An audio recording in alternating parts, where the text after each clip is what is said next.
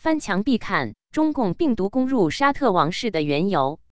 大纪元二零二零年四月十三日讯，大纪元每天为读者梳理翻墙必看的文章。一、疫情透视：中共病毒为何重创沙特王室？中共病毒武汉肺炎攻入沙特阿拉伯王室，一百五十名王室成员染病。媒体报道，萨勒曼国王的侄子费萨尔本本达尔亲王 Prince Faisal bin Bandar bin Abdulaziz Al Saud 正在接受重症监护。二大陆企业停工通知刷爆网络，刚复工又放假。中共隐瞒疫情导致全球大流行，随即令大陆企业失去订单。近日，很多企业的停工通知在网络曝光，均从三月末至四月初开始再次停工。复工之日遥遥无期。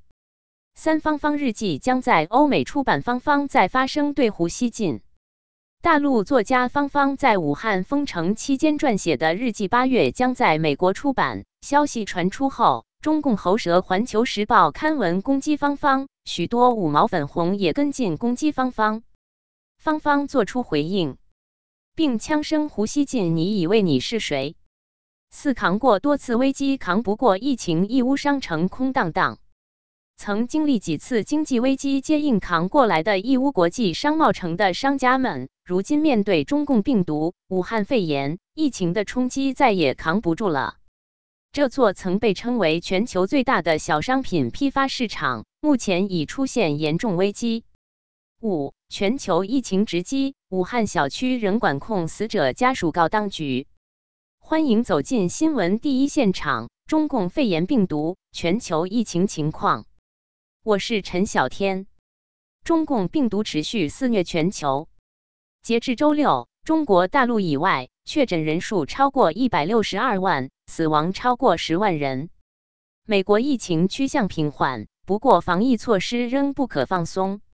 六金正恩胞美再度攀升，回任政治局候补委员。朝鲜领导人金正恩的胞妹金宇正去年不再担任政治局候补委员后，日前再次出任政治局候补委员。分析认为，这显示他的政治地位攀升。七一线采访：疫情下武汉老俩口的挣扎。六十七岁的陈大姐跟丈夫在武汉做汽车配件生意，儿女都已成家，是一个令人艳羡的中产之家。但是中共病毒、新冠病毒的降临，让他们顿时落入人间炼狱。八真言真语，李兆富，台港授区全球受够了中共。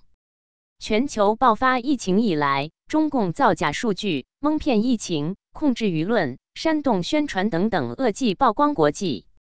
前苹果社群资讯网行政总裁、财经专栏作家李兆富，笔名利市民。接受真言真语专访时表示，经历这次疫情，人们认清中共是地球的隐患。目前中共正面临极端劣势的外交处境，经济上也正遭受国际围剿，全球正形成新的对华政策，就是 enough is enough，够了，忍受够你中共了。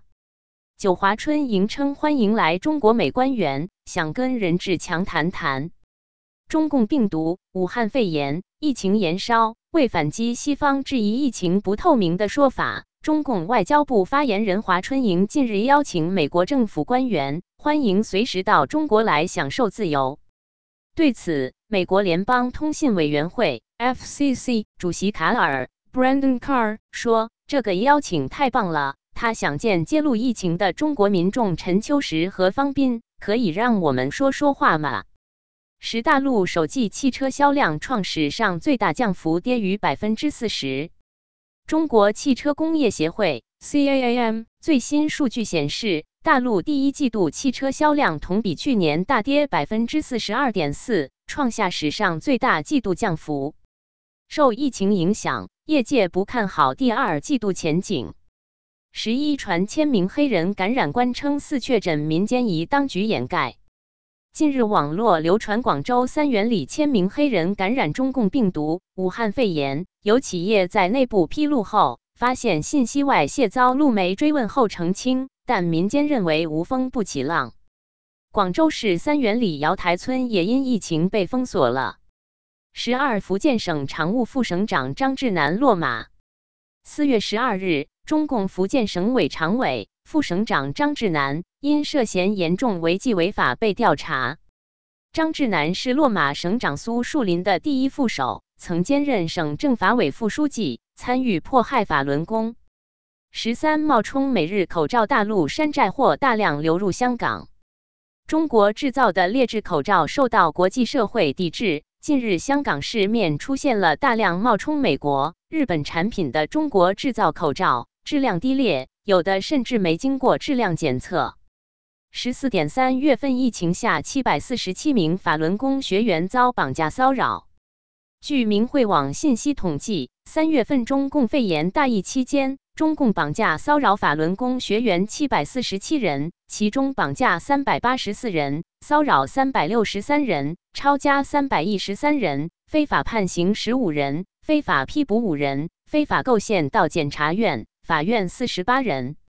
十五港媒：习近平管得了谭德赛，管不住任志强。中共病毒武汉肺炎全球泛滥后，中共当局内忧外患，备受质疑。就连红二代任志强都公开指责中共隐瞒疫情，但世卫总干事谭德赛一直替中共说话。港媒说，习近平当局管得着谭德赛，却管不住任志强。责任编辑：方明。